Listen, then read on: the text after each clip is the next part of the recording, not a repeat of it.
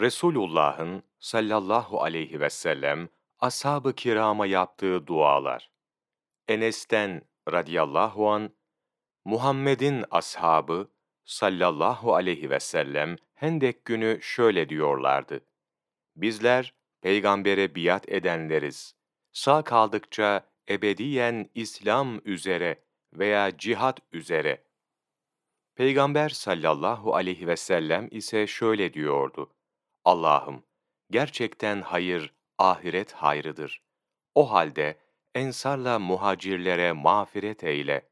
Buhari Rivayetin diğer metinlerinde, ensar ve muhacirleri mübarek eyle, ensar ve muhacirleri ıslah eyle ve ensar ve muhacirlere ikram eyle şeklinde gelmiştir.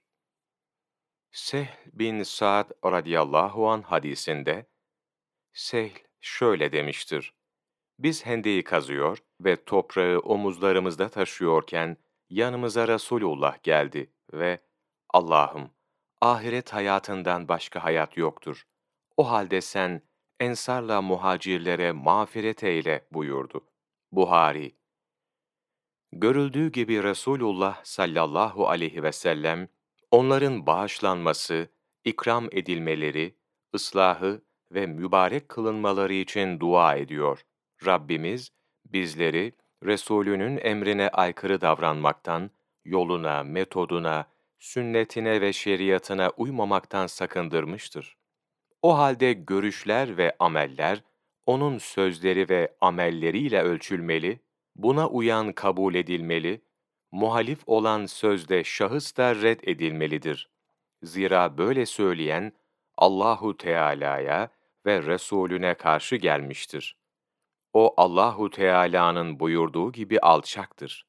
Allah'a ve Resulüne karşı gelenler kendilerinden öncekilerin alçaltıldığı gibi alçaltılacaklardır. Biz apaçık ayetler indirmişizdir. Kafirler için küçük düşürücü bir azap vardır. Mücadele Suresi 5. Ayet Allahu Teala'ya ve Resulüne karşı gelişin en büyüğü, Allah Celle Celaluhu'nun peygamber ve resullerinden sonra en yüce dostları olan Allah'ın peygamberine sallallahu aleyhi ve sellem sahabelik için seçtiği ashabına hakaret etmektir. Radiyallahu anhum ecmain. İbn Hacer el-Askalani, El-İsabe, Seçkin Sahabeler. Sayfa 16-17 26 Mart Mevlana takvimi